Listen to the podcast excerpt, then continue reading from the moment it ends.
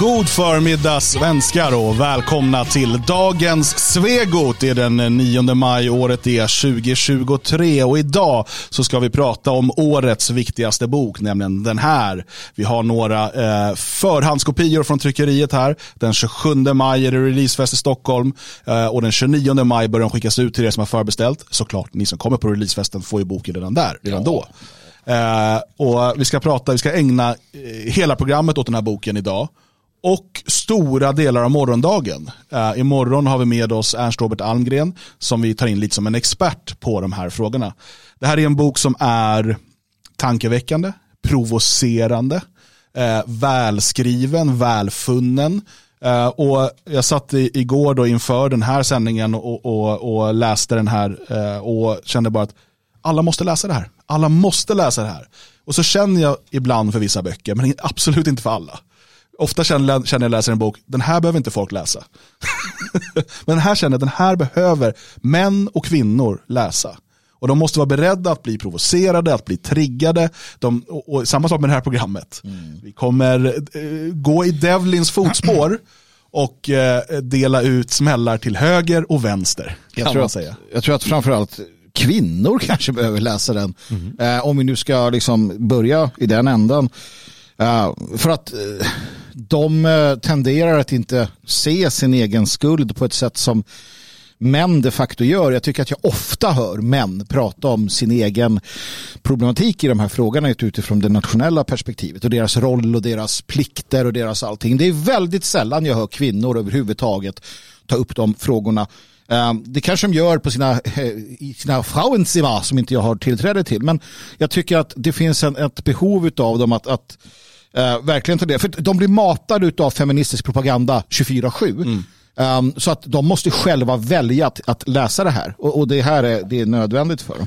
Uh, men innan vi gör det så tycker jag att vi alla ska sjunga för mig alltså. idag. På min födelsedag. Mm. Varför då? För att jag fyller år och ni ska sjunga Jag må han leva. Sjunga. Ja må jag leva. okay. Det här var ju väldigt pinsamt måste jag säga. Okay. Magnus, vi, vi tänker inte sjunga för dig. Uh, men uh, däremot så uh, kanske vi har små gåvor till dig. Nej, har ni oh, det? Det är klart va, vänta. Nej, har vi gåvor till mig? Oj, oj, oj, oj. Är det från Jalle också? Nej, Jalle har en egen. Shit. Alla har väl gåvor? Det här är helt, helt sinnessjukt. Vänta bara till uh, kören där ute. Kolla. Oj, oj, oj, oj. Oj, jävlar, där gick Nu slängde han den. Han slängde den. Den fina glasskålen gick sönder. Det blir så till mig. Lämna kortet, lämna kortet ur nu. Ja, jag ska ta den här. Ja, varsågoda. Kolla, vad är det här? Titta. Nej. Vad fint det här var pojkar. Vilken var finast inslagen? Uh, Dans var utan tvekan finast inslag. Vi kan se här jämförelsen. Har gjort det för fan. Dan har tänkt på mig väldigt mycket. Han har tänkt så här mycket på mig. Jalle tänkte så här mycket jag på mig. Det. jag är man, jag har hållit på med sånt. Nej, precis. Åh, ska jag öppna de här nu eller? Ja, det tycker jag. Klart ska. Börja med Jalles här. Ja. Den var lättare att öppna. Ja. Det där, ska jag säga, det är det, är det vackraste jag... Uh... Har jag fått det vackraste du vet? Ja, ja. faktiskt. Vackraste. Titta här, ska ni se allihopa. Det är... En fantastisk skiva. Om sommaren. Thomas Ledin? Ja, det är Thomas Ledin som...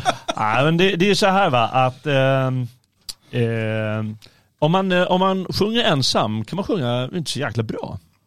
Och eh, rätt svagt. Men om flera sjunger samtidigt så blir det ofta väldigt, väldigt vackert. Och vilka är det som har fattat det bättre än alla andra? De här. Svenskarna ja. Svenskarna, absolut.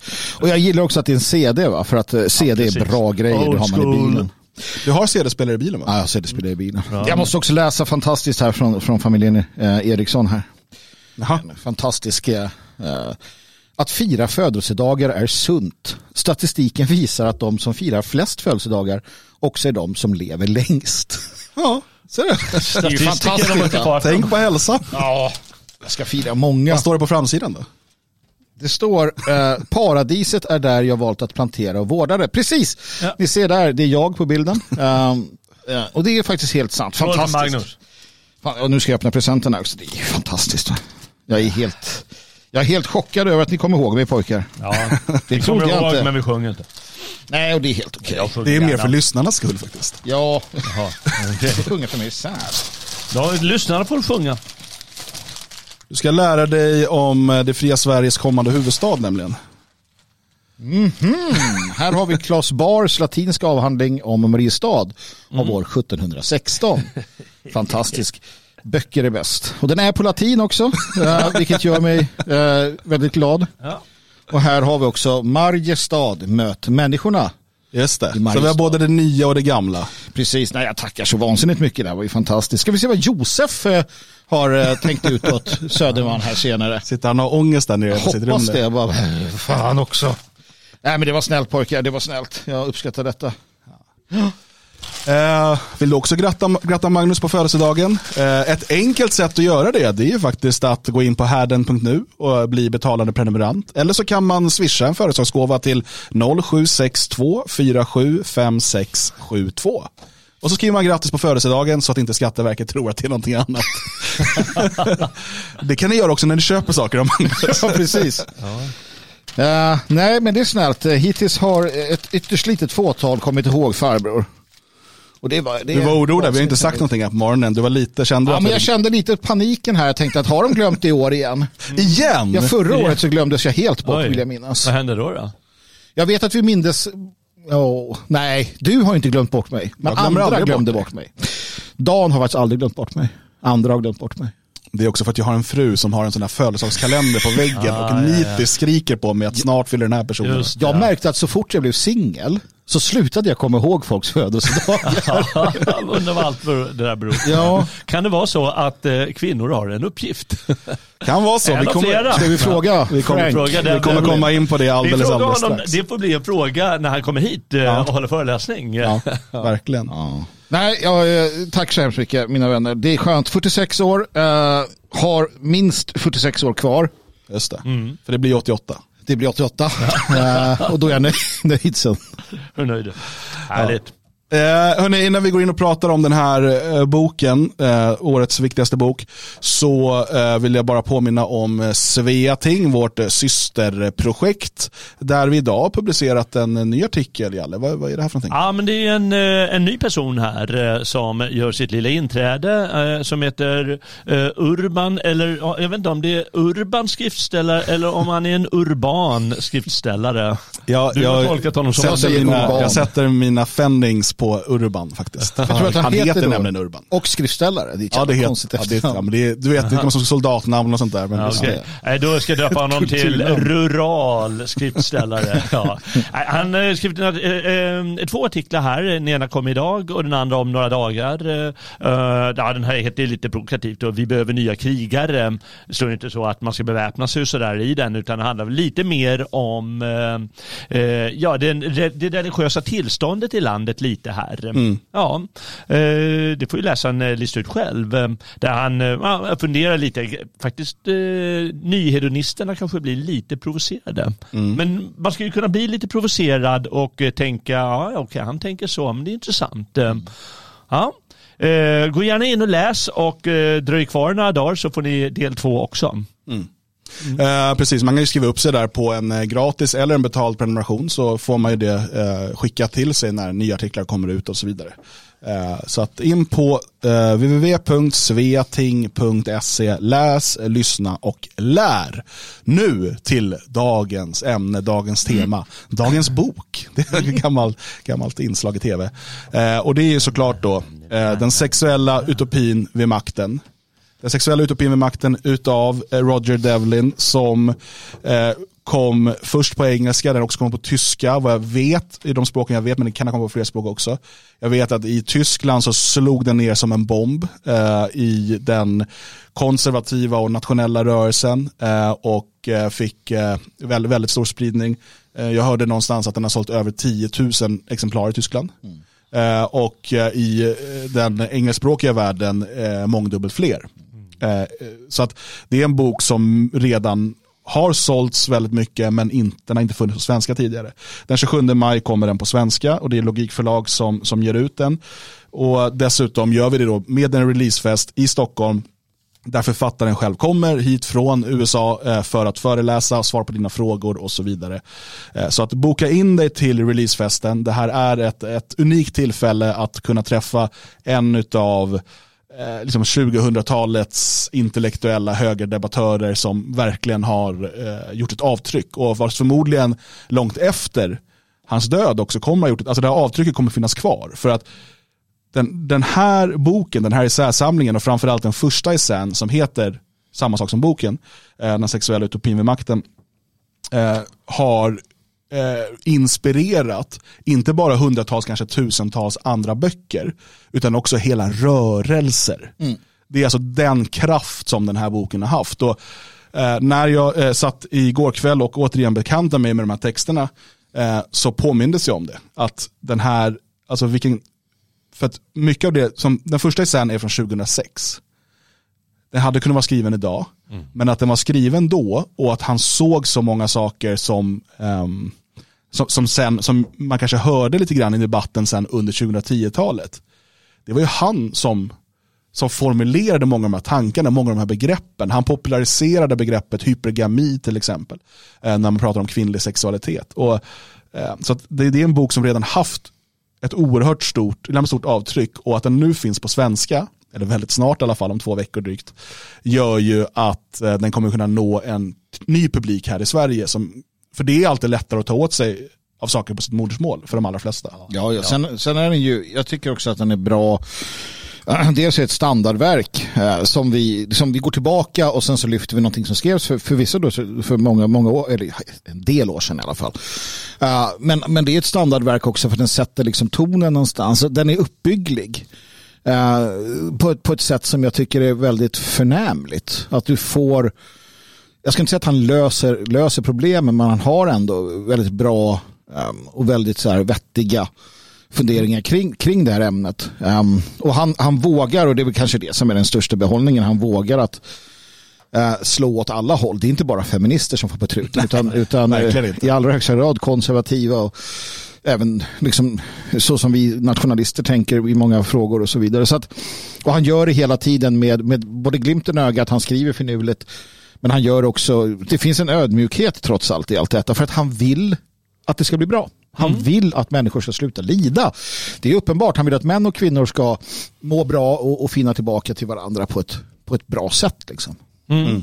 Och eh, det, det, var du som sa förut eh, eller var det du? Ja, eh, någonting om att, eh, eh, nej men du sa nyss det här med på ett förnämligt sätt, att det, vad, vad, som kan vara provocerande för, för i synnerhet kvinnor som han vänder sig till eh, i, i mycket. Han skriver att han är aktivist för kvinnors eh, plikter, mm. inte rättigheter. Då. Inte för mäns rättigheter, inte, för det finns ju det här uttrycket men's rights activist. Alltså, ja, jag är inte det. Jag är inte en eh, aktivist för mäns rättigheter, jag är en aktivist för kvinnors plikter. Precis, mm. och det där tycker ju nästan alla människor är så jobbigt idag. Du bör uppföra dig bättre på det här eller det här eller det här sättet vid de här och de här tillfällena. Mm. Och det tycker vi, ska du hålla på och smiska mig på fingrarna mm. och komma med dina eh, små, så det, det, kan vara lite jobbigt att ta till sig men det är jäkligt nyttigt. Eh, handlar liksom, som du säger, om man klarar av att göra det, alltså det, det moraliska vi har i oss, då kommer kanske tillvaron eh,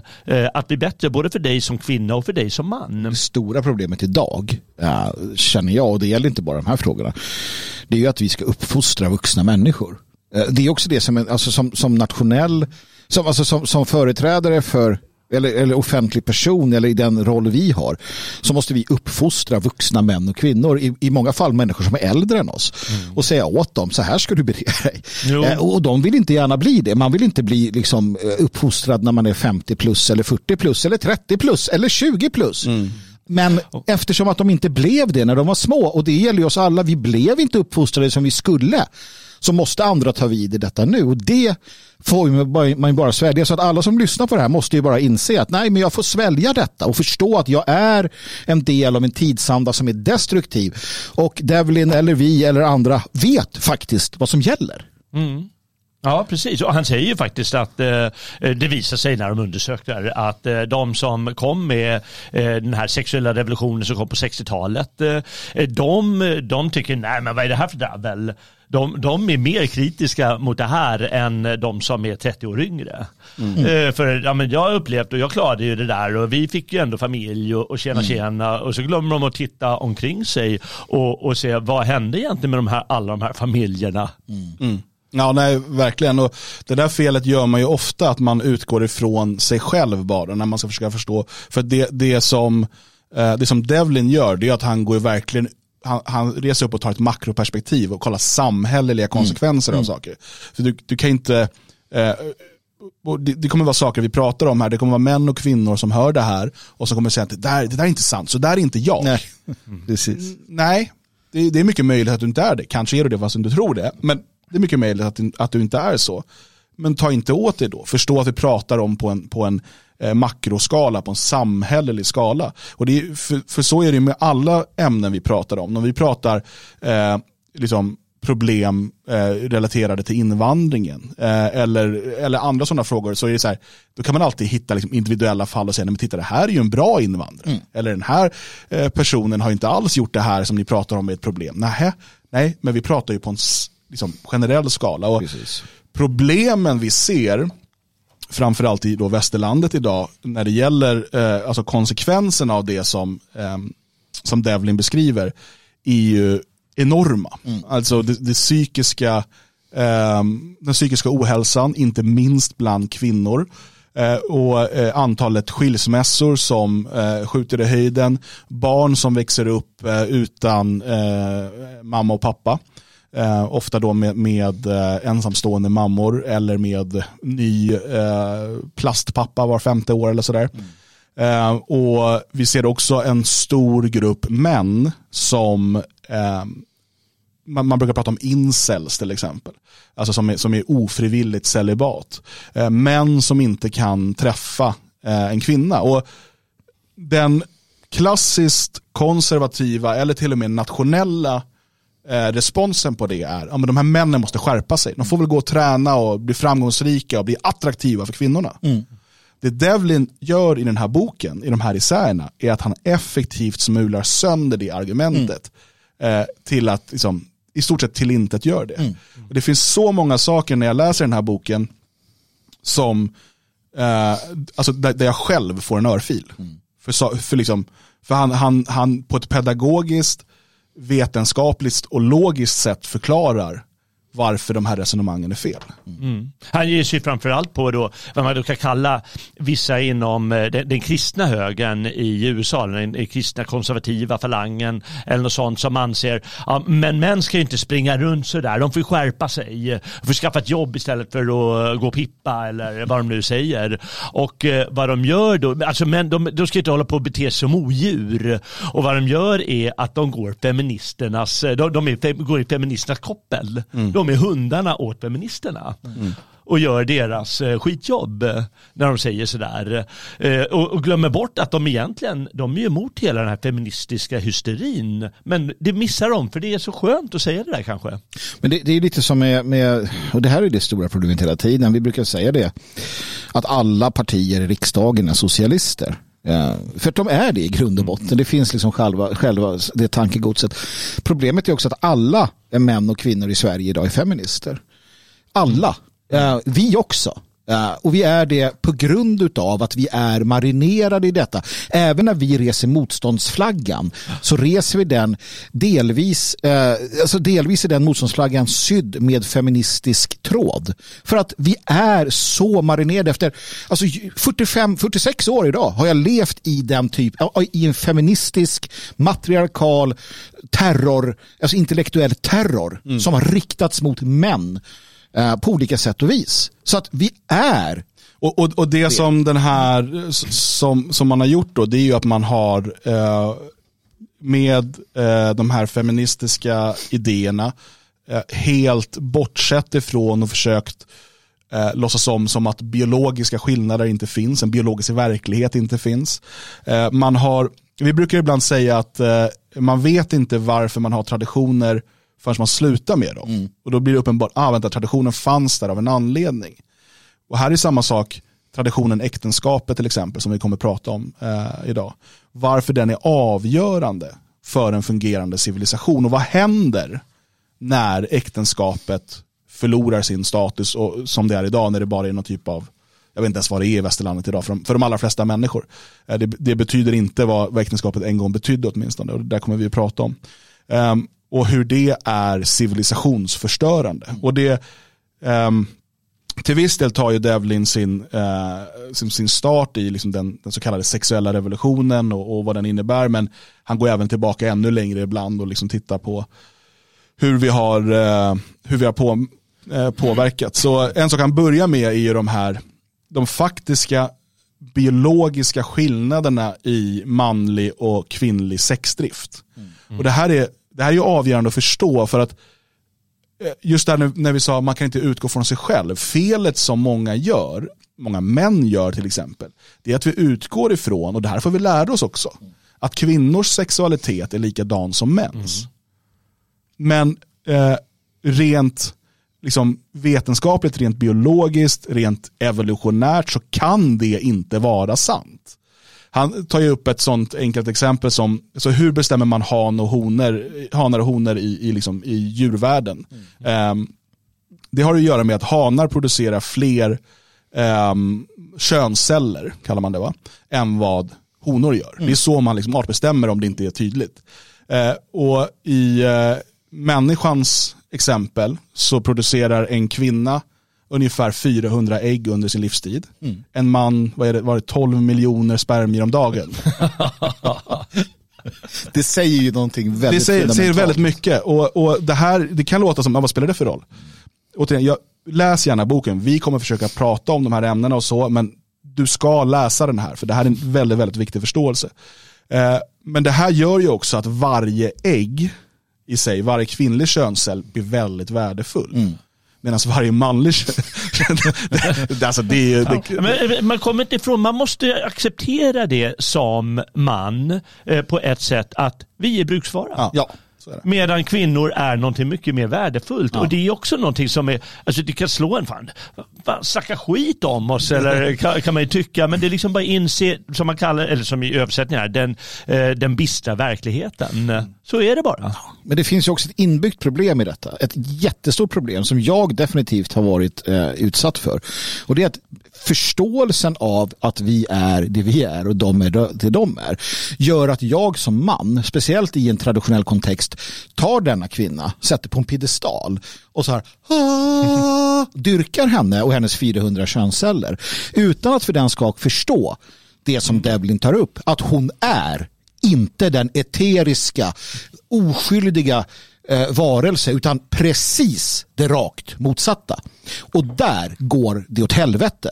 Eh, för att jag inte förstår eh, de, de delarna. Eh, och, och, det tror jag att de flesta män eh, som inte har haft en, liksom, jag tror att alla män har gått igenom det stadiet där de liksom, ja, åker på eh, däng utav det så att säga. Jo, men, men eh, det kunde låtas bli om det bara fanns ett fungerande samhälle med till exempel då monogami eller familjens helgd. Mm. För det är med den här sexuella revolutionen påspädd av feminismens demonisering av män och eh, liksom inbillar att kvinnor och män kommer agera likadant på den sexuella marknaden och så. Det är först då som den här att jag eh, sätter kvinnan på piedestal och beskyddar henne, vilket är manliga instinkter mm. i det här fallet för att skydda det här ägget. Eh, det är först då det går peppan. Mm. För om kvinnan, vilket är ett av hans budskap, eh, inser att hon har en familjär roll såsom kvinna, då kommer det stabilisera sig det där och du kommer inte bara ställa, sätta henne på piedestal hela livet utan du kommer fylla din funktion till exempel i familjen och så kommer det, kommer det balanseras och fungera. Absolut. Men när man skjuter det i sank och istället hyllar att nu ska vi alla pippa fritt och mm. tro att det kommer gå bara tjena tjena mm.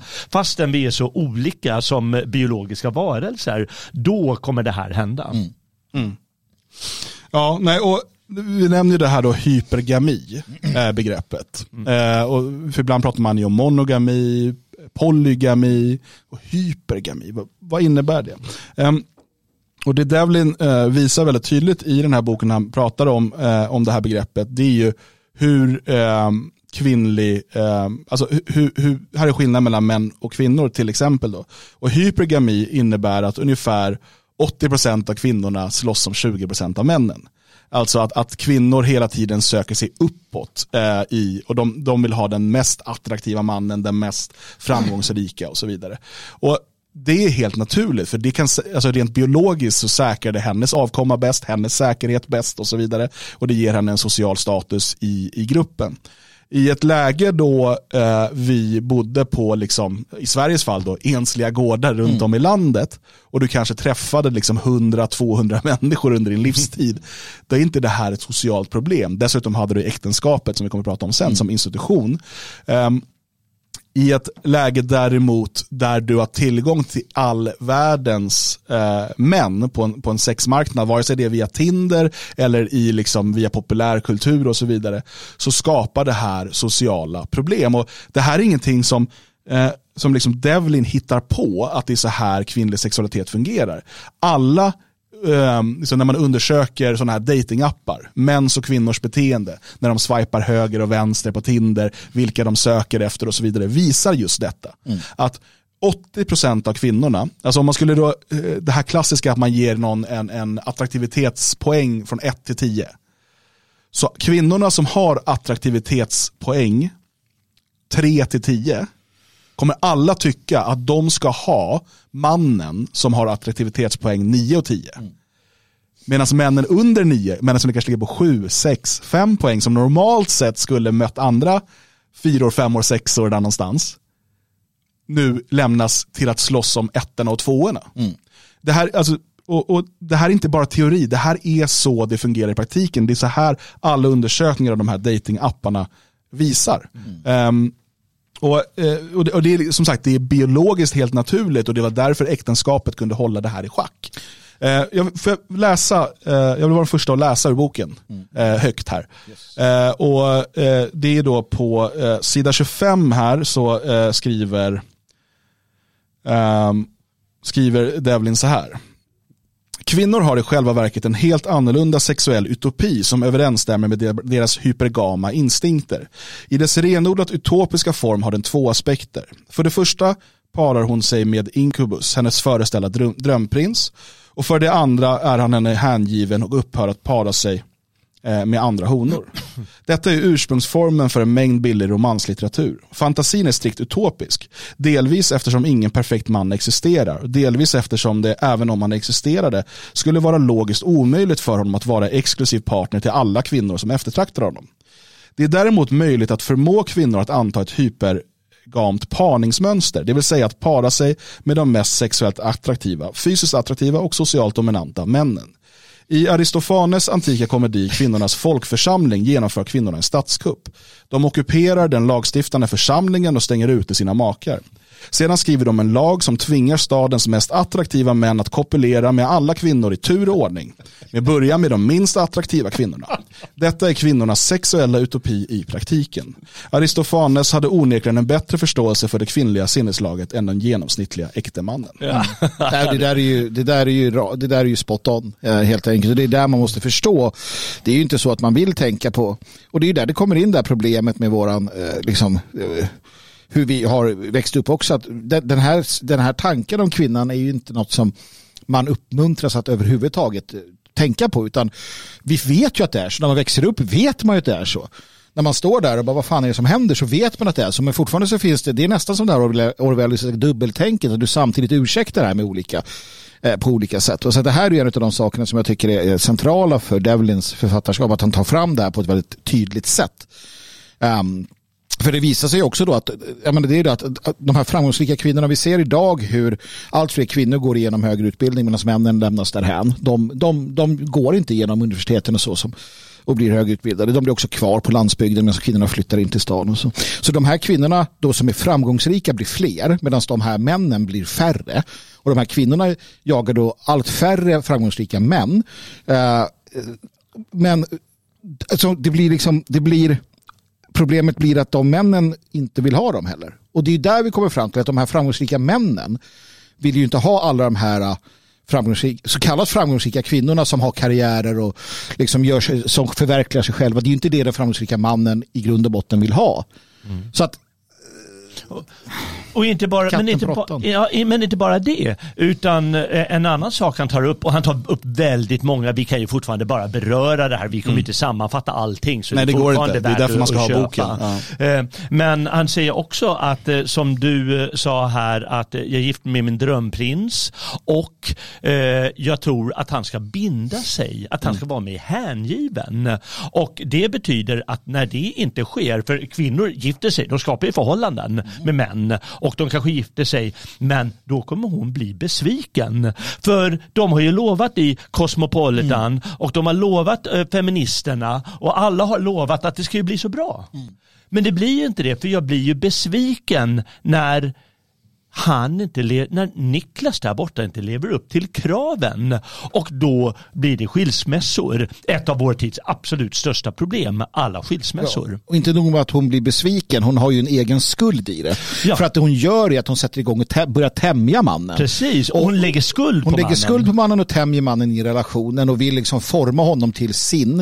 Eh, och när hon väl är klar, då så här, vad fan, den här blir inte jag kåt på längre. Utan då börjar man titta åt andra håll. Och det här visar han ju också upp om och om, om, om igen. Att den här feminiserade mannen som det blir resultatet av som hon har lärt sig. Alltså det är sån jävla soppa, mm. gott folk. Ja, ja. Är det. Och det, men, men det är roligt, eh, det, det som jag tycker är, gör verkligen boken eh, lite extra, det, det visar sig i vår översättning här tycker jag, mm. som heter Sexuella utopin vid makten som första essän heter, huvudessän. Mm. Eh, på engelska, Sexual Utopia in Power, det betyder ju också alltså, hur det fungerar i praktiken, mm. men det visar också att det finns ett maktspel mm. i den här praktiken och det är liksom, ger särskild dynamik till det hela och visar att det är så laddat också det här. Det är liksom inte bara något tekniskt som sker utan det här är laddade saker. Mm. Mm. Och, det, och, det, har ju en politisk bäring också givetvis. Alltså det har ju en världsvid bäring på, vi, prat, vi sa det lite snabbt innan, att hela det här handlar om att betvinga människan så att vi kan ha en civilisation, så att vi kan ha ett samhälle. Det som håller på att hända nu det är att samhället upplöses. Och, och, och massinvandringen är en, en konsekvens, inte orsaken. Det är en del av det. Det som är orsaken, det är det här. Det här är orsaken till civilisationernas undergång. Det är att maktspelet, makten, man, kvinna, den sexuella utopin, att den skiftas, förändras eller blir eh, på olika sätt och vis perverterad. Då faller civilisationerna. Då kommer flyktingkatastrofen och då kommer det ena med det tredje. Um, vi har en invändning i chatten. Mm. Swelogger skriver så här. Evolutionen drivs Evolutionen drivs på av att inte alla män får föröka sig. Desto mer diskriminerande, desto snabbare evolution. Synd om de män som blir utan, men det är ingen genetisk fara. Nej, det behöver inte alls vara en genetisk fara, men det kan vara en samhällelig fara. Det är det som är liksom huvudpoängen i den här. Hur påverkar det här civilisationen? Mm. Eh, det, det, i, i ett läge där du har dels ett överskott av män, vilket vi har i, i stora delar av västvärlden, inte minst i Sverige. Eh, i, I vissa åldersgrupper är det helt absurt överskott av män. Eh, och dessutom många män som då eh, inte kan, eh, får bilda familj och så vidare. Mm det som du får i sådana civilisationer, det är dels att civilisationen faller, det är dels att du får terrorism, inbördeskrig, du får, alla de här sakerna kommer som naturliga konsekvenser utav det. Eh, så att du har en, visst om du kan ta något så här, om du säger, ja men om tusen år kommer det här vara jättebra för våra gener, teoretiskt sett. Ja. Jag är ett, inte så säker på det. Två, vi kommer inte hinna komma dit innan vi har liksom eh, IS-liknande grupper som drar runt och håller kvinnor som sexslavar. Eh, får jag bara, bara mm. citera ett litet stycke här. som det är ganska typiskt. Han kommer med små slutsatser med jämna mellanrum. Ganska lako, lakonismer. Hur det ligger till. Och det är ett kapitel som heter Tillbaka till Afrika. Sexuell atavism i det moderna väst. Och då går han igenom ett sånt typiskt polygamt samhälle. Eh, och hur otroligt dålig funktion det har för att låta samhället bäras upp, eh, nämligen eh, i Västafrika där, där det, det, det är lite kaos. Men då skriver han så här på ett ställe. Sociobiolog, sociobiologer talar om höginvesterande kontra högfertila reproduktionsstrategier. Men det är tydligt att det moderna väst inte tillhör någon av dessa kategorier. Och han vill dessutom visa då hur vi, försöker, vi har försökt kopiera nästan det här västafrikanska samhället med liksom någon sorts modern bisarr polygami. Vi praktiserar både låg fertilitet och låg föräldrainvestering. Det är kusligt att tänka på hur de progressiva idéer som vi har blivit påtvingade i praktiken innebär att reproduktionen förhindras. Kvinnlig karriärism, fri abort, så kallat säkert sex och främjandet av den homosexuella livsstilen. Ett samhälle som gör sådana prioriteringar måste ha en dödslängtan. Och det är det som händer. Att samhället dör då. Och det kommer andra samhällen att frodas och så mm. kommer givetvis mänskligheten leva vidare och kanske evolutionär mening att det är hej och hå vad som helst kan hemma. Men, men vårt eget samhälle mm. kommer raseras. Det är det att eh, Devlin är nationalist. Han är mm. inte bara en av de mans, alltså det finns ju, det finns ju de här kända eh, inom alla då raser, män som liksom så berättar hur man ska vara man. Den, en känd är han, han Andrew Tate som är halv, halv svart, halvvit. Um, och det finns andra. Men, men uh, Devlin är ju nationalist också så han vill ju se en vit nationalistisk, liksom en, vår framtid. Uh, och ska vi ha ett vitt rymdimperium, om vi ska ha allt detta så krävs det ju vissa saker. Uh, vi kan gå tillbaka till en, en primitiv stamvärld där vi liksom slår tjejer i huvudet, tar med dem hem och, gör, och, och, att vi bygger upp det på det sättet. Eller som en flock apor som vi ser så. Nej, och, och jag så menar rent, sätt, om, om, om, vi ska tro eh, evolutionsteorin eh, så är det ju så vi har kommit hit där vi är idag. Ja. Men sen har vi lagt de här lagren av civilisation steg för steg eh, med, med, liksom, med religion, med moral, med rättesnören som vi har liksom, mm. och, och de har ju kommit till av en anledning, som jag var inne på i början vi förstår inte vikten av en tradition förrän vi upphör med den. Den, mm. den, har kommit till av en anledning. Våra förfäder kanske inte heller visste varför de började med den. Alltså, men, men de märkte att ah, när vi gör så här blir det bättre. Ja. Han spekulerar ju på ett ställe här att eh, eh, ja, men i början av mänsklighetens historia så var det olika stammar och så var det några stammar som tittade, vad är det som gör de där jävlarna så framgångsrika? Mm. Och då var det just monogamin, eh, mm. spekulerar han lite här. Och eh, därmed följer de ett exempel. Ja, jag vill bara plocka upp Taikon, Taikon, Taikon i chatten skriver, men vad vill han då? Ska vi ligga runt? Och män, det, det Ska män ligga runt? Ska män ligga runt? Och det intressanta är att nej, han, han vill att vi ska tygla oss, han vill att vi ska bilda familjer och ha äktenskap. Det är ju det det handlar om. att vi ska ha mer sex. Ja. Han vill att vi ska ha mer ja, sex. Ja, och det, det är klart man ska ha mer också, sex. Man ska alltid ha mer sex. Nej, men, ja, ja, men det. Det, här är viktigt. Eh, för att folk har fått för sig att det handlar om någon typ av att, att han är emot att människor har sex. Mm. Att, att det liksom är det det handlar om. Och det finns ju, den, liksom, finns ju sådana strömningar i världen. Liksom.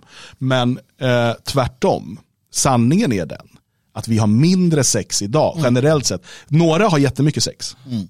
Men sett eh, i västvärlden över eh, genomsnitt så har vi mindre sex idag än vi hade för 50 eller 100 år sedan. Den sexuella revolutionen som det kallas har inte lett till att vi i genomsnitt har mer sex eh, eller att varje individ har mer sex. Eh, utan tvärtom så har den förstört eh, fundament i samhället som äktenskapet eh, och därmed också gjort att vi har mindre sex ja. idag. Jag vet att det kan låta, men det här, är, det här är, råder det knappt något tvivel om. Liksom. Men det här är jätteintressant. Jag lyssnade på, jag kommer inte ihåg vad den hette, var när det fanns pratradio för många, många år sedan. Det var en, en kvinnlig psykolog som pratade om sådana här saker. Bland annat så tog hon upp det faktum. Hon sa så här att eh, lösningen på ett bra äktenskap är att ni har sex varje dag. Vare sig ni vill eller inte. Varje dag ska ni göra det. Två, under dagen så ska ni skicka sexuella meddelanden till varandra. Hela, alltså ett par stycken per dag. Håll det uppe hela tiden under resten av ert liv så kommer ni ett vara attraherade av varandra vi kommer vilja vara med varandra. Får man ta uppehåll när man har vinterkräksjuka? Man får ta uppehåll då. Ja, för men, det kan bli jäkla jobbigt. Sa du nyss, håll den uppe. Håll den uppe. Nej, men för att hon menar på att du måste rikta, för till exempel om mannen går och tänker sexuella tankar. Om du inte, om du inte stimulerar, om du som kvinna inte stimulerar din man att tänka på ditt kön, din kropp, din sexualitet, så kommer han tänka på någon annans. Mm. Så om du som kvinna skickar ett lite sexigt meddelande till din man, då kommer han tänka på dig, ingen annan. Och du kan tycka, men vilken jävla lurk, han borde tänka på mig han styrs av biologiska eh, biologiska eh, Som vi också lagar. har tyglat med vår civilisation. Yes. Eh, men det är det man håller på att slå sönder. Ja.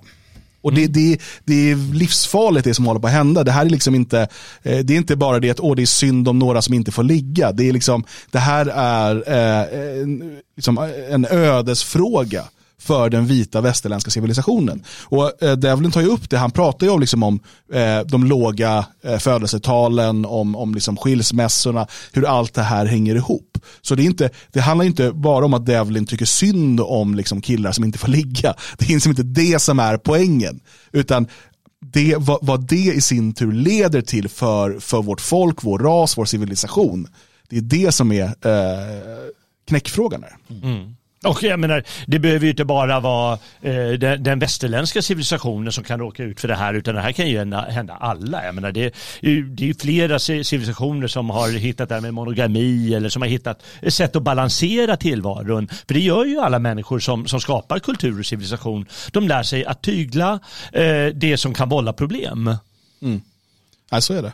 Mm. Uh, Ska vi ta något mer ur boken? Mm. Ja, det jag. Uh, jag tänker att jag skulle kunna, uh, ska vi komma in på ett riktigt känsligt ämne? Ja, men det tycker jag. Vilket har vi nu? Vi spelar lite våldtäkter. Okej, okay, jag går och hämtar kaffe. ja, hämta hit termosen. Dagen till, ja just det ska jag också ta ja. lite. Ja. Men, men när han gör det, ska vi inte bara säga lite, att jag vill bara säga en sak om, om stilen i den här eh, boken. För jag tycker det är viktigt, eh, som sagt, även om vi pratar om flera saker här hinner vi bara beröra några punkter. Eh,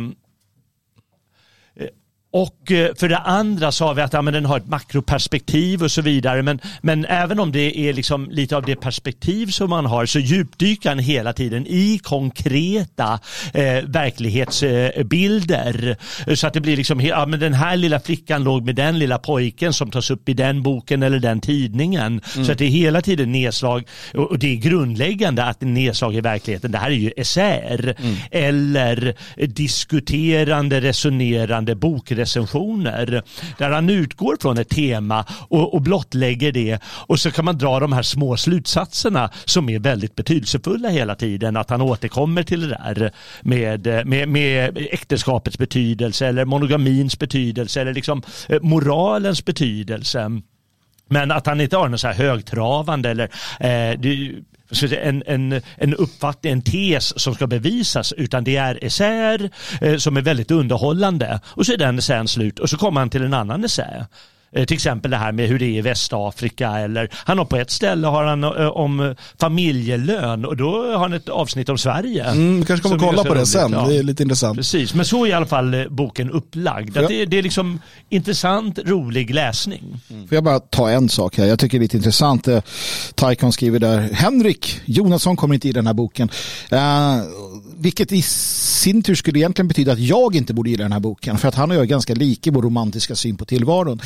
Saken är den att jag tror att vi båda gillar den här boken väldigt mycket av det enkla skälet att man kan se en skillnad på en biologisk verklighet och en magisk värld. Det vill säga de två sakerna tar inte ut varandra, de kompletterar varandra. Förståelsen för hur biologin fungerar ger en fast grund till hur vi kan liksom leva och forma våra liv.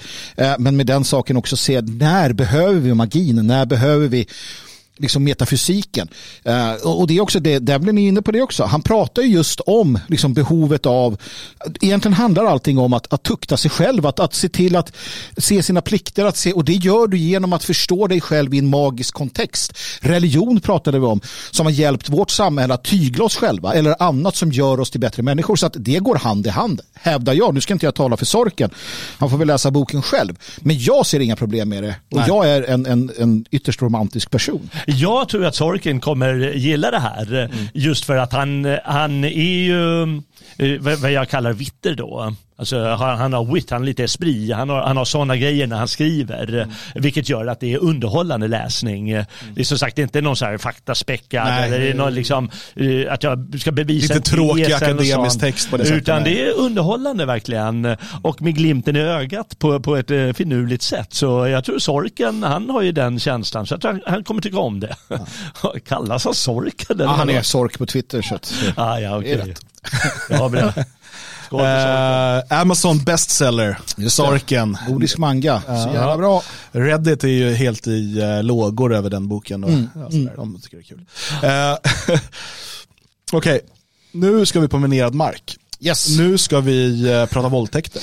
Ja. Mm. Och jag, det var bara några månader sedan som jag hörde en, en intervju med en Therese Juel. Jag vet inte om man uttalar Therese Juel kanske. Sådan. Um, hon är um, journalist och, och, författare, hästuppfödare tror jag. Um, och det, det, är lite pinsamt, jag menar jag är 40 år och visste inte om uh, detta. Och jag, liksom, det blev pinsamt. Att hon var fest, Nej, men det som hon berättar om. eh, och, och sen har jag liksom dubbel och trippelkontrollerat det här och det stämmer, det hon säger. För att vi eh, inom bred bemärkelse, nationella Sverigevänner, konservativa, invandringskritiker, sprider gärna eh, information om att eh, Sverige är liksom rape capital of the world. Det är, I Sverige sker eh, näst mest våldtäkter i världen. Det är jättefarligt och det är jättemycket våldtäkter i Sverige. Mm. Eh, varför sprider vi det? Ett, för att jag trott att det var sant. Ja, det är statistiken. För det är statistiken säger ju det. Mm. Två, om vi ska vara ärliga, det passar rätt bra ihop med eh, liksom vår eh, berättelse om eh, pro, liksom delar av problemen med massinvandringen. Det är lätt att peka på. Invandrare, eh, framförallt från MENA, är gravt överrepresenterade i de som döms för sexualbrott.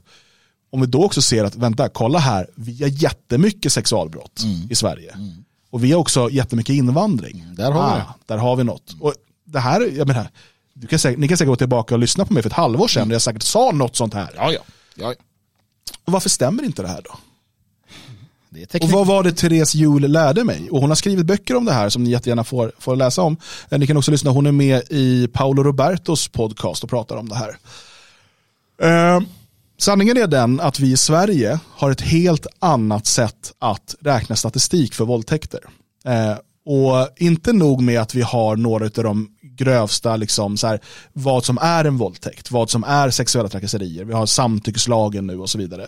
Som är, alltså, vilket gör att mycket mer saker räknas som våldtäkt. Men det är inte det mest intressanta här. Det mest intressanta är att i Sverige räknar vi, eh, när vi räknar anmälningar, vilket ju är vad statistiken alltid handlar om, eh, om till exempel en kvinna kommer och säger att hon har eh, blivit våldtagen i sitt äktenskap, för det kan man bli eh, enligt svensk lag. Um, och det här har pågått under lång tid. Och våldtäkt kan ju vara enligt svensk lag något du kommer på efteråt. Det är inte det som en del då ser det som att du, någon sitter i en buske och väntar och överfaller någon och sådär. Utan, men, utan den här typen. Då räknas det, då kanske de kollar, okej okay, hur många gånger är det? 500. Då räknas det i svensk statistik som 500 våldtäkter. Mm. 500 anmälda våldtäkter. I Tyskland hade det räknats som en anmäld våldtäkt. Absolut, det är 500 fall, men i statistiken så räknas det som en. Mm. Medan i Sverige räknas det som 500. Om man tvättar svensk statistik och följer till exempel då så som resten av världen, resten av västvärlden gör när de räknar det här, då hamnar Sverige någonstans i mitten i EU. Absolut inte värst, absolut inte bäst. Samtidigt har ju den här höga statistiken i Sverige förklarats med att kvinnor, att vi har mycket högre anmälningsbenägenhet. Mm. Om vi förutsätter att det är sant, tack vare vår fina feminism och jämställdhet och vi pratar om det här. Så vi har högre anmälningsbenägenhet, vi räknar fler saker som våldtäkt och sexuella trakasserier, eh, sexuella övergrepp än vad man gör i andra länder. Och när vi tvättar statistiken hamnar Sverige ändå bara i mitten. Mm. Det betyder ju att den här berättelsen som vi har varit med och berättat om Sverige som våldtäktslandet, mm. den är en lögn. Mm. Den är inte sann. Och det, för mig var det så här, för då känner man sig skyldig. Jag, känner, för jag, menar, jag har ju, jag har ju liksom, jag har ju trott på det här och liksom fört det vidare. Vet du, vad, vet du vad som händer när den där statistiken blir den officiella bilden? Ja. Vilka är det som våldtar vilka? Ja, vilka är det? Män våldtar kvinnor, Precis. makar, och hustrur. Vad händer med mansbilden då? Män blir eh, ännu mer misstänkliggjorda och så. Precis. Men, men alltså ärligt talat Dan Eriksson, jag har ju också köpt det där. Uh, och det är ju för att det har passat mitt narrativ till skillnad från alla andra sådana här expoiter och sådana så är jag ärlig. Mm. Jag är propagandist och det har passat mitt narrativ. Jag kommer inte använda det på samma Men sätt. Jag har trott att det var sant. Jag har trott att det var sant och det har passat mitt narrativ så jag har inte sett någon ja, anledning att gräva. Nej. Utan det är så här, ja men det är många, okej okay, då är det så. Sen kan man prata gruppvåldtäkter, vi kan prata andra aspekter av ja, sexuellt ja. våld, taharush-lekar och liknande. Men i det här, i den här kontexten, nej där har vi haft fel helt och, enkelt. Eh, varför jag tar upp det här det är för att även Devlin tar upp det här med då det som kallas för sexuella trakasserier, sexuella övergrepp eller till och med då ibland våldtäkt. Och kom ihåg att det här är skrivet 2006. Då fanns inte i Sverige samtyckeslagstiftningen. Men det fanns liknande lagstiftning i vissa amerikanska delstater. Eh, och han arbetade på universitetet när det här liksom blev en grej och han har liksom berättat om sin upplevelse, hur, hur det fungerade där. Eh, men framförallt då hur eh, anklagelsen om våldtäkt som är djupt rotad inom oss, det är bland det värsta, det är pedofiler, våldtäktsmän, det är bland det värsta du kan göra. Mm. Hur det har använts för att förstöra relationen mellan män och kvinnor. Hur det som alltid har varit en del av den naturliga parningsdansen utav manliga liksom, inviter, försöka att ragga har idag blivit sexuella trakasserier. Vi vet, i, i, vi pratade om England någon gång förut, där det liksom är alltså, sexuella trakasserier, att busvissla efter en tjej. Att lägga din hand på en kvinnas svank och säga en kommentar, en, en, en, en komplimang. Det är sexuella trakasserier enligt lag. Du har ingen rätt att göra det. Det har tidigare varit en naturlig del av liksom interaktionen män och kvinnor emellan. Det har nu kriminaliserats och räknas in som sexuella trakasserier, sexuella övergrepp. Dessutom med liksom att man dagen efter kan komma på att jag ville nog inte det där och så anmäler man för våldtäkt. Men låt mig då läsa Devlin. Mm. Eh, och jag, det blir ett lite längre här men jag känner att vi behöver något lite sammanhang. Mm. och, och, som sagt, läs hela boken för att liksom få den. Det blir ju brottstycken, det går inte att göra på något annat sätt. Eh, så här. Efter att aktivt ha uppmuntrat unga kvinnor att experimentera sexuellt har feminismen hittat ett sätt att utnyttja den allmänna olycka som blev följden. Deras metod för att revidera reglerna för mänskligt sexuellt samspel är på sätt och vis en fortsättning på det progressiva utopiska programmet och på ett annat sätt en reaktion mot det. Feministerna stödjer föreställningen om att det existerar en rättighet att få bete sig hur man vill utan att behöva ta ansvar i förhållande till andra. Men de insisterar emellertid på att denna rättighet endast ska tillfalla kvinnorna. I jakten på en rättslig och moralisk grund till sina nya krav fann feministerna det urgamla förbudet mot våldtäkt. Feminister uppfattar emellertid inte våldtäktsfenomenet som ett övergrepp riktat mot en kvinnas kyskhet eller hennes äktenskapliga trohet, utan endast mot hennes personliga önskemål. De använder det urgamla förbudet mot våldtäkt, inte för att slå vakt om respekten för kvinnlig anständighet, utan för att upprätthålla lydnaden inför kvinnliga nycker. Deras ideal är inte mannen, vars självbehärskning tillåter kvinnan att utöva densamma, utan mannen som underkastar sig kvinnans begär. Mannen som inte beter sig som en gentleman, utan som en dildo. Men endast negligerandet av kvinnornas personliga önskemål är uppenbarligen inte anledningen till att män har blivit förnedrade, fängslade och i vissa samhällen till och med avrättade för den gärning som vi kallar våldtäkt. Enligt det nya synsättet där samtycke snarare än äktenskapliga band är det viktigaste kan samma sexuella handling vara ett brott på måndag och onsdag och tillåtet på tisdagar och torsdagar beroende på kvinnans humörsvängningar. Feminister hävdar att våldtäkt inte tas på tillräckligt allvar. Kanske vore det mer lämpligt att ställa sig frågan hur feministernas egen definition eh, nej, ställa sig frågan hur detta fenomen alls kan tas på allvar när man väl börjat använda feministernas egen definition av våldtäkt. Om kvinnorna vill ha frihet att behandla män hur som helst, borde då männen, när allt kommer omkring, inte själva vara fria att behandla kvinnor som de behagar? Mm. Hårda ord men ack så sanna. Jag tänkte bara på det att vi har haft kvinnofrid i det här landet. Kvinnofridslagar sedan, eh, jag vet inte när det är. Bra jävla länge. Jag tror det finns med i de gamla landslagarna. Mm. Vi, jag, Ladulås, Magnus hette han, fint namn. Som, som liksom satte det här i, i praktik som rikslag. Mm. Det här, att, att, vi, att vi liksom ser till att, eh, att vi värderar friden. Men det, är, det, det intressanta är det han tar där, att han, han påvisar ju vår ingång kommer härifrån om den kvinnliga och, och, deras kommer härifrån. Vi närmar oss kvinnofriden från två olika håll och de gör det från ett håll som är helt vansinnigt. Mm.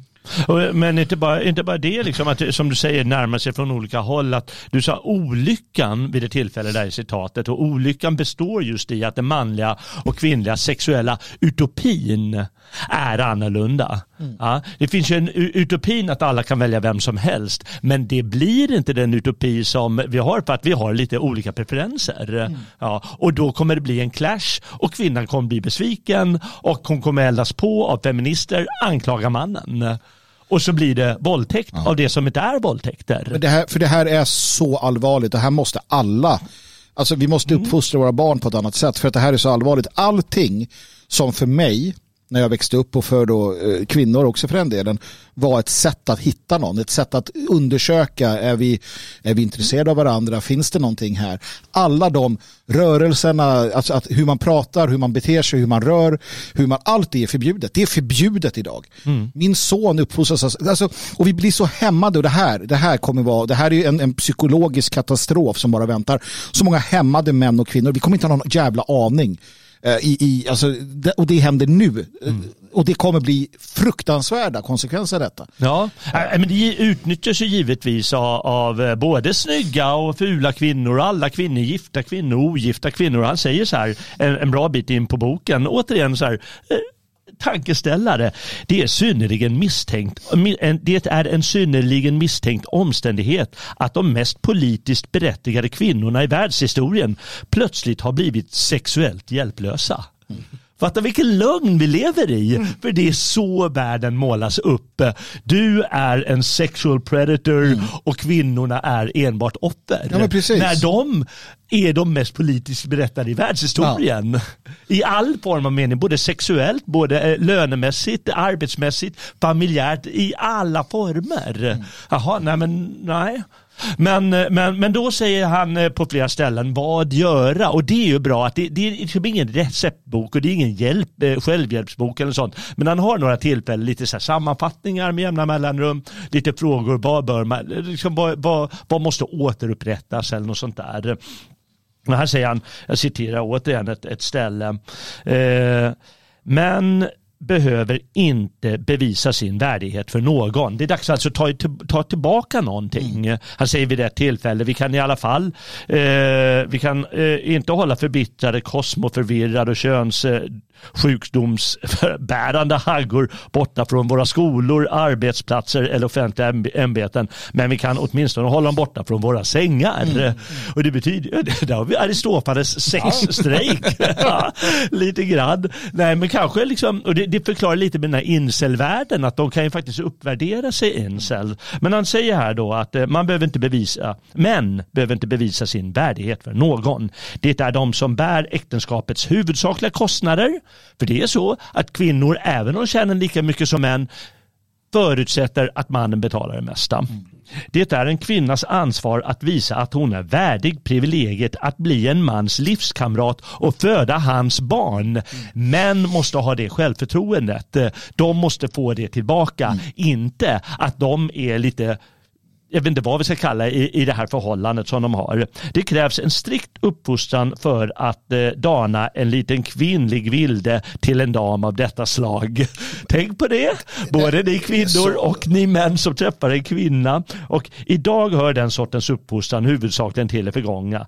Kvinnor lämpade för giftermål blir allt svårare att finna och priset för att söka efter dem börjar bli allt för högt. En man bör hur som helst aldrig grunda sin självuppfattning på vad kvinnor anser om honom. För kvinnors bekymmer är alltför materialistiska och självupptagna. Det här, det här är lysande det här tycker jag är bra för att vi ser inom delar av manosfären, den bygger ju på eh, att du som man måste eh, se till att bli så framgångsrik så att de här kvinnorna vill ha dig att du kan attrahera de här kvinnorna, att du kan få fånga de här kvinnorna. Du ska ha så många Bugatti-bilar, du ska vara si och så vältränad och ha så många sexpack, du ska göra det och det, du ska vara egen företagare, du ska allt det här. Eh, det Devlin säger är ju snarare eh, att eh, sluta bry dig.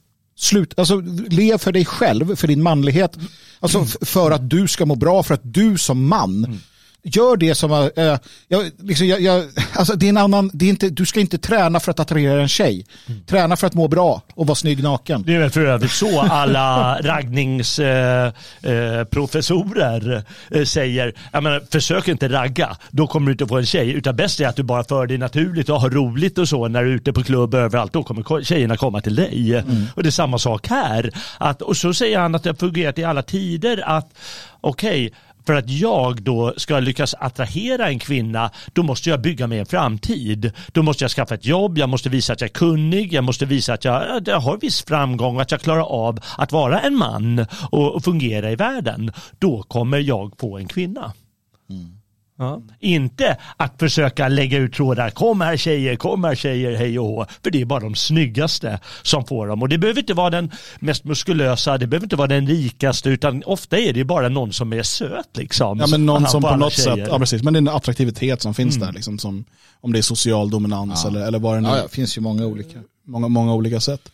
Uh, och det finns, för att den där typen av eh, självhjälp eller vad man ska kalla det för som bara är så här, ja men, men ni får väl bara liksom gaska upp er mm. och bara, du vet, eh, den bortser ju helt från den här biologiska verkligheten. Mm. Det spelar liksom ingen roll så länge vi har, så länge vi låter den kvinnliga hypergamin flöda fritt mm. och det inte finns de här civilisatoriska kontrollmekanismerna som vi liksom har byggt in, eh, som äktenskapet till exempel. Eh, så så kommer det inte spela någon roll för en stor del av männen. Mm. Och Det man behöver då, det är ju, jag menar, om vi tittar på de muslimska samhällen som har polygami till exempel, där är det också många män som blir utan eh, kvinna. Mm. Vad har man då? Man har jihad, man har krig, mm. man har eh, löftet om, om de 72 eh, oskulderna i, i, i paradiset. Mm.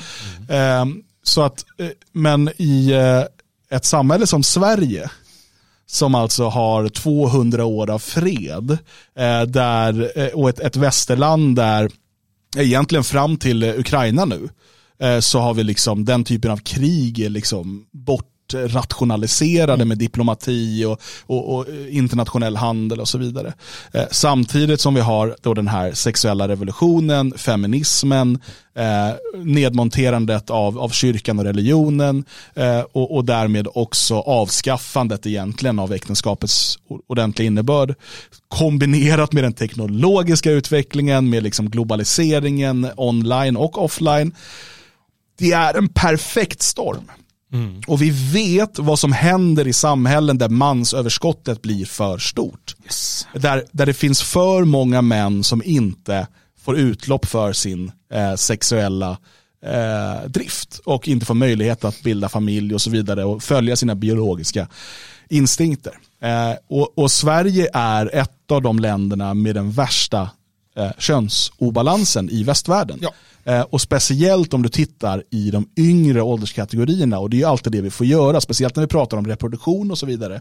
Det spelar inte så stor roll hur 60 plus ser ut. Det är samma sak när vi pratar om liksom den demografiska förändringen rent etniskt. Vi måste titta i de här åldersgrupperna, eh, liksom 16 till, till 35. Eh, och tittar vi bland eh, tonåringar, om man kollade 2016, då hade vi alltså 123 män per 100 kvinnor. Kombinera detta med hypergami och du har skapat en krutdurk som ingen vill ska explodera. För då kommer vi få se en återgång till fan apstadiet. Men det kommer explodera. Ja. Och det, det, det kommer bli så. För att en stor del av orsaken är det är det som hände 2014. Mm. När alltså, hundratusentals män unga män i stridbar ålder, ganska vältränade, på många sätt ganska farliga män. För att de kom från svåra situationer. Från en, en, en de, var inte, de var inte lika liksom, för, förslöjade rent fysiskt som många i väster. Som välde in och kom hit och sa att vi ska ha kvinnor, vi ska ha pengar, vi ska ha ett liv. Eh, och mot dem står en armé av så västerländska unga män som... Men, men ko ko kolla ja. nu, kolla uh, hur kvinnor stod på tågperronger och så vidare med welcome mm. när uh, unga män från Afghanistan kom. Mm. Hur många av dessa kvinnor stod och grät med sådana banderoller när ukrainska kvinnor kom? De skiter ju i det. Mm. Såklart. För det är en del av deras sexuella drift, en del av deras, deras hypergami. Ja. Eh, denna import av ännu fler män. Alltså, det, det, det... Ja. det går, men det finns en annan krutdurk som han skriver om och eh, den har inte nått Sverige men den kommer komma hit mm. också. Eh, hoppas jag eh, faktiskt. Och han skriver om det amerikanska rättssystemet. Det är lite olika olika delstater som vi säger. Men de har en familjelagstiftning som är helt galen. Mm. Han beskriver det i eh, ett av kapitlen här. Alltså det, är så, det är det mest skrämmande läsningen jag läst i hela mitt liv faktiskt. Mm. Hur det går till. Och det har gått så långt att eh, inom eh, eh, alltså de, domstolar som håller på med familjerätt, där går domarna och, och rättsbiträdena, de går i skyddsväst. Mm. Därför att eh, män vill eh, döda dem, allihopa. Mm. Döda dem. Ja. Därför att lagarna är så grymma. Alltså de är så ofattbart grymma. Man stjäl mannen. Man, man stjäl mannens barn. Man lägger all skuld på barnen. Man, på mannen. På mannen, mm. förlåt. Eh, till och med på barnen. Han tar mm. upp ett fall. Jävlar, jag måste läsa det här. Han tar upp ett fall Uh, han tar upp ett antal helt bisarra fall som ni aldrig har hört. Uh, I ett märkligt fall i Iowa beslagtogs en 11-årig pojkes besparingar som härrör från uh, till exempel snöskottning av staten för att bekosta underhållsbidrag för honom själv. vilket var möjligt på grund av att även hans fars namn stod registrerat på hans bankkonto då han var minderårig och då hade han gjort någonting för att hjälpa pappan. En, en man blir dömd för att han har stuckit in en lapp eh, i pojkens, han får, han får inte tala med sonen, man får mm. träffa honom och titta på honom. Typ, och så trycker in en lapp i pojkens ryggsäck så att modern kan läsa att jag var sjuk vid tillfället, bara så ni vet det. Dom, böter, fängelse. Och så håller på. Han skriver hur rättssystemet i USA när det gäller familjelagstiftning, det är skapat av entreprenörer som ska dra in pengar. Så de ska inte bara stjäla barnet från den här mannen som har ett påstått, en påstått våldtäkt. Som feminister går kurser för att lära ut kvinnor, mödrar eh, som vill sluta äktenskapet och han tar upp att äktenskapet i nästan alla fall eh, eh, skilsmässan påbörjas av kvinnan. Precis. Fast männen tar på sig skulden. Mm. Officiellt är det ju sex av tio eh, tror jag som kvinnor inleder, alltså som de lämnar in ja. papperna. Men om man tittar på vem som initierar det och sen kanske vem som så är det nio av tio fall mm, är det kvinnan som inleder, alltså som, som förstör äktenskapet. Och det här är alltså ett självreglerande system i en, en del av en djup stat i USA som är fullständigt destruktivt och så vidrigt. Och det är så skrämmande att läsa om de här fallen. Och han säger att, ska jag läsa det absolut eh, knasigaste, som han säger, i mina ögon är detta det mest obehagliga. Och då har han hållit på ett par sidor utläggning med helt bisarra fall, bara i den anglosaxiska världen, då kan man fatta resten av världen. Fäder har beordrats att underkasta sig något som kallas för pletysmografi där ett elektroniskt fodral träs över penisen medan de tvingas att se på pornografiska filmer med barn. För att undersöka antar jag om de är eh, pedofilbesatta mm. ja, ja, ja. mm. eller sånt. Alltså för att de får en våldtäktsanklagelse. Eh, jag tror också att jag läste, jag vet inte rätt om jag har fel, men att i det här systemet som du säger så får alltså de, de, de som arbetar, de, de agenterna eller de polisen eller de utredarna, mm. de får bonusar. De får bonusar. De får alltså ekonomiska bonusar om de lyckas ta in pengar. Självklart. Så ju fler personer de sätter, ju fler män vars, vars besparingar de stjäl mm. får de själva en ekonomisk gagn av. Precis. Det fungerar likadant som våra asylaktivister mm. som givetvis får pengar. Eller jag vet inte hur det är här i Sverige. Jag vet att i Tyskland finns det jättemycket sådana eh, statliga organ där för, för familjerådgivning för flyktingar. Hur får du maximala bidrag? Alltså mm. det är mm. sponsrat av staten och de i sin tur vill ju vara fler. Och desto fler flyktingar, desto bättre. Desto fler människor kan få betalt och få desto högre bonusar. Och så bara fortsätter det och fortsätter det och fortsätter det. Och vad blir slutändan? Jo, man anklagar mannen mer och mer och mer och mer. Man dömer honom mer och mer och mer och mer. Och till slut tar han lagen i egna händer och skjuter domaren. Mm. Så som, och därför har de skyddsvästar. Vilket är moraliskt eh, inte det alls kanske, konstigt. Nej, det säger han också. Jag, jag önskar dem lycka till. Det står nästan så alltså. Men och, och även i Sverige, även om vi inte har eh, kanske de där extrema nivåerna eller på samma sätt som, som i USA, eh, men eh, vårdnadstvister är ju eh, ett minfält för män utan dess nåde. Alltså, ja.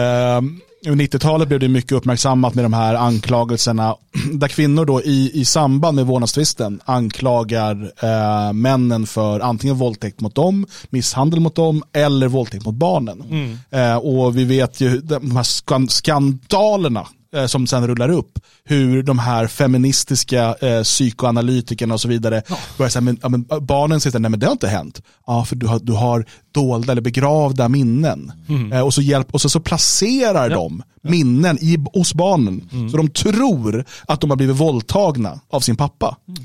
Eh, det, alltså, och, och, och tyvärr väldigt många män som då fängslades, eh, tog livet av sig såklart, mm, bara den, den skammen, eh, att, att folk misstänker detta.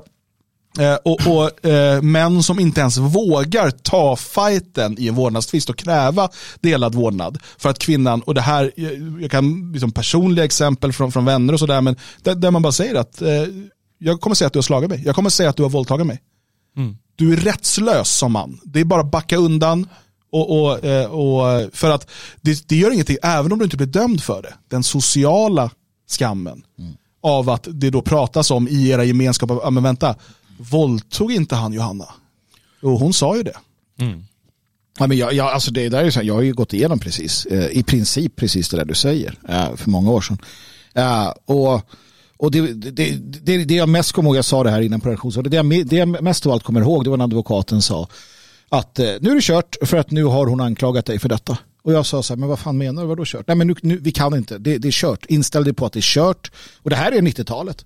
Uh, eh, det är kört för att nu är du anklagad för det. Och jag sa det, och när man satt och liksom hade de här försökt resonera, men det finns ju, det, ett, det är inte sant. Två, det finns liksom inga, det finns inga anmälningar, det finns inga orosanmälningar, det finns ingen vän, bekant, mamma, ingen som bekräftar det. Och han sa att det spelar ingen roll.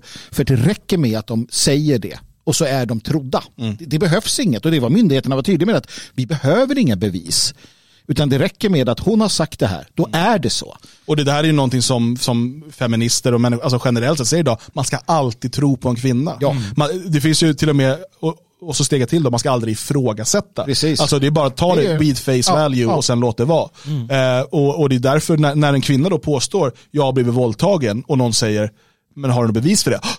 Då är det ett hemskt brott som ja. den som, som, som ifrågasätter mm. eh, har, har begått. Och vi har tagit upp exempel tidigare hur det var i en, en anklagelse inom ett parti vi var liksom engagerade i som var uppenbarligen helt felaktig. Men liksom, då ska man tro för att hon säger det. Och, och det är också någonting som Devlin är inne mycket på här, att, att det som den här sexuella utopin eh, och, och, och, och, feminismen har gjort är att eh, kvinnan eh, har inga plikter kvar, mm. däremot alla rättigheter att få det precis som hon vill. Ja. Jo, men, det är liksom det, det är men, det. plikterna är liksom ja. raderade och han menar ju att med en rättighet kommer också alltid en plikt. Ja. Men man har raderat kvinnans plikter. För om jag säger så här då, bara för att vi, vi drar ner det på en väldigt enkel nivå. Om jag säger så här, du är i en relation med en kvinna har du rätt att förvänta dig att hon och du ska ha sex? Har du rätt i den relationen och säga att vi ska ha sex? I vilken relation? En, en relation mellan en man och en kvinna. Ett äktenskap? Ett äktenskap. Ja. Eller ett föräktenskap. Eller ett äktenskap kan vi ta det som. Ja. Hon, kan, har hon inte rätt att sexvägra och så här, liksom så, utan du kan förvänta dig. Du har rätt att kräva sex. Alltså inte kanske åtta gånger om dagen hela tiden på parkeringsplatsen. Men, som, men det är som man del... som man vill. Nej, Nej, det vill man inte. Nej, men du, i, en, i, alla fall. I, en rela, I en relation eller i ett äktenskap så har ja, du rätt att kräva precis, det är en, sex. Det är en del Hon av den, ska det är en del ha av, sex med dig. Ja, det är en del av den äktenskapliga plikten. Det här är ju någonting som så här, låter väldigt bisarrt att ta upp. Men det, det finns ju ganska många som hävdar att det finns inga, alltså man kan inte ställa krav, du kan inte ställa krav på en kvinna i en relation eller liknande. Så att jag, jag vill bara liksom tanka ner det eller koka ner det till en sån väldigt enkel sak. Um, och Det har ju alltid varit eh, liksom grund för att säga upp till äktenskapet om man inte uppfyller de äktenskapliga ja. plikterna. Men som du sa, det finns ju inga plikter. Ja, men alltså mannen har ju, men mannen har ju också plikter i ett äktenskap. Det är det, Klart. Eh, och, och, det är det som, som eh, Devlet tar upp här. Men, om. Jo, men att kvinnor förväntar sig fortfarande att mannen ska uppfylla sina plikter men hon själv inte anser att hon har några plikter. Precis, och det är det de har förvänt, vridit och vänt det till och männen har liksom gått på det och hoppat på det. Han, han, tar upp det här jättemycket på flera ställen, eh, särskilt i ett kapitel, hur, eh, hur, hur kvinnan då just, eh, hon tror att hon kan slippa undan ansvaret och bara leva helt fritt. Och det praktiseras som vi sa. Kvinnor tar initiativet till de flesta eh, skilsmässor och det visar sig att även i de fallet då mannen har tagit initiativet så är det, ja han har gjort det för hennes skull. Och mannen visar sig, männen är många gånger mer bekymrade för eh, äktenskapet och barnet och så. Eh, de är mer benägna att ta på sig skuld i ansvarsfullhetens namn medan kvinnor då har lärt sig att bli befriade från det här i feminismens eh, namn. Och vi ska inte glömma att feminismen betyder mycket där. Vi kommer ihåg från 90-talet som vi nyss var inne på, eh, rockskvinnan som sa människor är, män är djur. Och det är ju grunden, för när män är djur, då betyder det att kvinnor är inte djur. Det är det som är implicit, mm. utan de är de här änglalika mm. varelser som inte kan göra fel. Mm. Vill... Och då har vi det, mannen står automatiskt skuld i skuld. Jag måste ta upp, eh, det skrivs i chatten med, säkert med med eh, glimten i ögat. Jag vet inte, men så här, det kanske är en eh, hämnd för häxprocesserna. Eh, och då vill jag bara lite snabbt titta på häxprocesserna. eh, som man då kan då, som man gärna tillskriver det bara elaka Don't kristna. get Magnus started on the witches! El, elaka, elaka kristna män som, drev, som, som gjorde det här med kvinnor.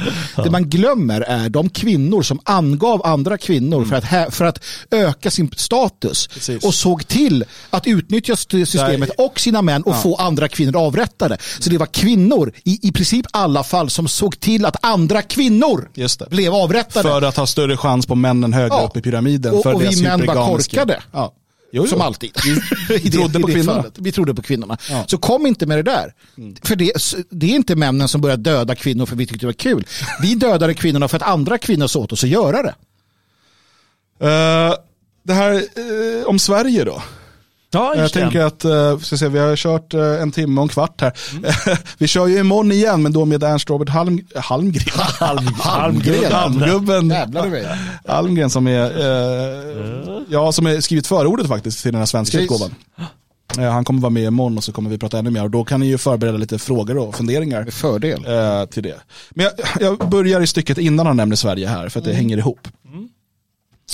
För första gången i historien noterar vår författare att familjen håller på att bli helt industrialiserad. Trädgårdsarbete, matlagning, hemreparationer, barnomsorg och andra former av hemproduktion överges av upptagna par till förmån för marknadserbjudna tjänster. Med andra ord har hemmet ingen egen ekonomi utan har blivit en slags konsumentorganisation i bästa fall. Eftersom det ekonomiska skälet till äktenskapet därmed har minskat och ökar skilsmässor, tillfälliga samboförhållanden, barn utanför äktenskapet, abort och ensamhet. Vi har kommit långt, baby. Mm. Sverige framhålls ofta som det bästa exemplet på ett land som söker en tredje väg mellan kapitalism och socialism. Karlsson ägnar ett kapitel åt utvecklingen av svensk familjepolitik under det senaste århundradet och de ideologiska debatterna kring den. Ryktet säger att dess ursprungliga titlar var Desperate Swedish Socialist Housewives. I vilket fall som helst visar det här kapitlet tydligt svårigheten i att smidigt arrangera familjepolitiska förslag på en konventionell vänster-höger ideologisk skala. Redan 1866 godkände förtroendemännen till första socialistinternationalen citat, ett beslut som krävde förbud mot anställning av kvinnor Förslagets sponsorer resonerade att arbetande kvinnor tryckte ned övergripande lönenivåer och försköt män. I deras syn var arbetande kvinnor motsvarigheten till strejkbrytare. Sveriges socialdemokratiska parti antog denna syn och under många år förblev den normativ för svenska progressiva. Författaren uppmärksammar till exempel Ellen Carolina Sofia Key, Key alltså Ellen Key säger vi i Sverige va? Eh, socialist, feminist, eugenikförespråkare, lärjunge till Darwin och Nietzsche. Inget av dessa engagemang hindrade henne från att lägga stor vikt vid den moderliga rollen och dess betydelse för enskilda kvinnor, deras barn och samhället i framtiden. Kvinnan var mest fri, skrev hon, i den fysiska och psykiska utövningen av traditionellt moderskap. Moden var en citat konstnärlig utbildning slutcitat, som förstod citat, den enorma betydelsen av de första åren. Slutcitat. Det hon mest behöver för att uppfylla denna roll på rätt sätt är tid, tid och återigen tid. Hon tyckte att staten skulle lägga lika stor vikt på ordentligt moderskap som på militärtjänst. Under många år propagerade den populära kvinnotidningen Morning Breeze för Ellen Keys ideal av den socialistiska hemmafrun. Illustrerat med atletiska, nietzscheanska übermutter omgivna av flockar av friska barn. Gunnar och Alva Myrdals skadliga inflytande på svensk socialpolitik började på 1930-talet men motarbetades under längre tid än många inser. Så förvånansvärt sent, skriver Karlsson, som 1964 förblev arbetskraftsdeltagandet för svenska kvinnor på stadiga 30 procent. Endast 3 procent av svenska förskolebarn gick på offentliga daghem. De socialistiska hemmafruarna började hänvisa till hushållsarbete som hushållsvetenskap och framställde sig själva som effektiva arbetare vars arbetsstation råkade vara hemmet. De krävde och fick flera års obligatorisk utbildning i hushållsekonomi och barnomsorg för alla svenska flickor. Statliga myndigheter finansierade kvantitativa studier som fann bland annat att den genomsnittliga arbetarklassens hemmafru hade tillgång till 2,8 stekpannor och 1,6 tekannor. Det moderna svenska hushållet var uppenbarligen en högst vetenskaplig plats. Under 1960-talet var dock Alva Myrdal och hennes högljudda antifamiljefeminism återigen på frammarsch i Sverige. Individuell beskattning istället för familjebeskattning blev en central fråga i svensk politik. När lagförslaget närmade sig genomförande lanserades en kampanj för familjen. 50 000 protesterande brev strömmade in till statsministerns kontor och tusentals kvinnor marscherade till riksdagen i, som en svensk tidning uttryckte det, historiens första hemmafru-demonstration. Eh, och så fortsätter det här för att vi men, vet vad som... Ja. Vi, vi, tar nästa, nästa ja. stycke också, det är sista. Precis. Det var förgäves. År 1970 trädde individuell beskattning i kraft och över en natt blev hemmafrun en dyrbar lyx. Karlsson skriver, Korrekt benämnd som det röda Sveriges era genomförde den första Olof Palme-regeringen ett slags feministiskt folkmord genom att avsiktligt eliminera en hel grupp kvinnor genom tvångsmässig omskolning och tvångsarbete. Mm. Så är det. Det var det som Palme gjorde. Det var det. Och när vi pratar, vi har pratat om det här många gånger, 68-vänstern, det som händer i slutet av 60-talet och under hela 70-talet när man slår sönder familjen, traditionen, nationen. Sverige blir en mångkultur, vi slår sönder eh, monarkin, vi slår sönder familjen. Det är vad Olof Palme och socialdemokratin gör under 60 och 70-talet. Där har vi, och, och som, han, som han skrev, till och med socialisterna fram ja. tills dess ja. Såg på liksom, den feministiska ikonen eller Ellen Key, eller Kay, Kay, Kay ja. eh, ansåg att moderskapet var kvinnans absolut viktigaste roll. Ja. Och man såg till att kvinnor kunde vara hemma och ta hand om hemmet som en del av hennes plikt. Ja. Men, men, eh, vi måste här förstå hur chanslösa vi har varit och att vi alla, återigen, vi är alla eh, anfrätta av detta. Eh, och för jag märker att det, det, det man märker är att, att män i den här diskussionen gärna skyller på kvinnor och kvinnor alltid gärna skyller på män. Hela tiden ser man de här nålsticken. Och jag skulle vilja uppmuntra alla att ägna resten av dagen åt att tänka på det här vi pratar om. Men du får inte, du får inte i din tanke anklaga det andra könet. Bra. Som kvinna måste du vara självreflekterande. Du får inte anklaga män och män får inte anklaga kvinnor. För det är det vi gör. Jag ser det hela tiden. Ja men ni då? Ja men ni då? Mm. Låt oss så här vi, vi går tillsammans mot fienden. Inte var och en för sig och försöker hitta utan tillsammans. Det vill säga att vi anklagar inte varandra. För det är i grunden, eh, vi anklagar oss själva i, i grunden. Eh, testa det eh, idag i alla fall. Jag, jag, jag håller med fullständigt men jag, bara, jag måste bara se bilden jag har framför mig. Eh, Eh, vilken, vilken sida stod du där på nu igen? 178 börjare. 178? Ja. Uh, jag, vill, jag vill så gärna, jag ser framför mig de här 50 000 hemmafruarna gå med sina 2,8 stekpannor i högsta hugg. Vilken dröm! Ja fatta vilket, vilket engagemang det fanns för, som vi sa, eh, eh, den klassiska familjen då.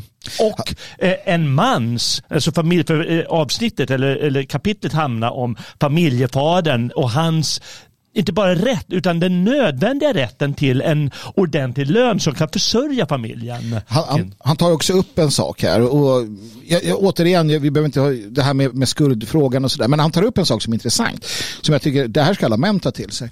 Och han menar på det att det finns ju många män där ute som mer än gärna vill ha en arbetande kvinna. För att han vill, inte, han vill också kunna ha semestern. Han vill också kunna göra mm. ditten och datten. Vi har ju lärt oss det. Och, och här gäller det för oss att så här, nej men vänta nu. Luta dig tillbaka själv och så här, vänta nu, hur vill jag ha det? Om jag nu har en kvinna som arbetar heltid och så, är det för att vi måste? vad är, vad är vi beredda för att de ska gå ner på halvtid? Alltså att, att sådär, men de flesta män kommer ju inte vilja det. Av det enkla skälet att det är inget kul. Då kan du inte sitta, alltså, Det är också för att väldigt många män också vill fly sina plikter. Precis, ja. ja det, det är ju så. Uh, och där, där gäller det ju så här att vi måste titta på oss själva och att vi som män måste säga nej men vet du vad gumman, du ska, du ska gå ner på halvtid och jag får jobba mer för att du ska kunna vara hemma och ta hand om det vi har. Precis, och, och det, det, här, vad det här handlar om är ju eh, ett samhälle där män och kvinnor är konkurrenter och inte komplement. Mm. Är ett samhälle där vi kommer förgöra varandra. Mm. Mm. Män och kvinnor, vi är, inte, eh, vi är inte konkurrenter, vi är inte fiender till varandra. Vi är eh, pusselbitar, vi är eh, yin och yang om man så vill. Vi är eh, komplement till varandra. Och eh, i den moderna i det moderna Sverige, det moderna väst, där män och kvinnor bara ska vara liksom produktions och konsumtionsenheter som ska ägna sitt liv åt att arbeta, betala skatt och så vidare, eh, då Eh, kommer det här gå förlorat? Och det kommer få katastrofala samhälleliga konsekvenser. Vi har bara sett början av det. Och jag eh, eh vill inte eh, att Sverige eller något annat land ska, ska falla ner i det här. Och därför behöver vår eh, vårt motstånd eh, vara liksom, det, det, traditionella äktenskapets motstånd, den, den, de traditionella könsrollerna om man tycker att det är ett användbart begrepp i det här. Eh, och det börjar med en förståelse för våra olikheter eh, och för våra olika eh, drifter, sexuellt och socialt och hur de här har tyglats och varför när vår civilisation har varit på uppgång. Mm. Bra, för jag vill nämligen säga att yin och yang är vi, men vi är det först eh, när vi som du säger kan tygla, när vi alltså i, moralisk mening gör avkall på vissa saker mm. och tyglar det. Då blir vi yin och yang. Absolut, och, och jag tycker också att det är värt att lägga till återigen då Uh, du sa, jag vet Devlin sa att han, han hade problem med den här självhjälps, självhjälps liksom, ideologin som har blivit så genom syrar också i, i, i, eh, i körvattnet av detta. Vi måste också då förstå i det här att uh, vi får inte reducera den här problematiken till en fysisk fråga om um, att gå på gymmet så många dagar i veckan, att tjäna så mycket pengar. Allt det här är en del av att du ska må bra som människa, att du ska uh, göra så gott du kan, bli den bästa versionen av dig själv och så vidare. Men vi måste hitta den metafysiska förklaringsgrunden. Vi måste, vi måste förstå det här på ett djupare plan. Uh, och det är det som jag menar att Devlin gör i den här boken. Han, han förflyttar hela frågan till en mycket, mycket djupare uh, analys som vi sen kan dra en massa. Det börjar inte med att du liksom uh, går på gymmet och blir självförsörjande. Det börjar med att du har den här förståelsen som Dan är inne på. Den förstår man. Den får man här. Sen kan man börja bygga upp det. Och det gäller kvinnor i lika hög grad, om inte högre, mm. än män. Ja, mm. bra. Och nu, eh, Magnus har gett dig läxa att eh, fundera eh, här under dagen. Jag kommer nu ge dig en uppgift och du har två saker att välja på nu. Mm.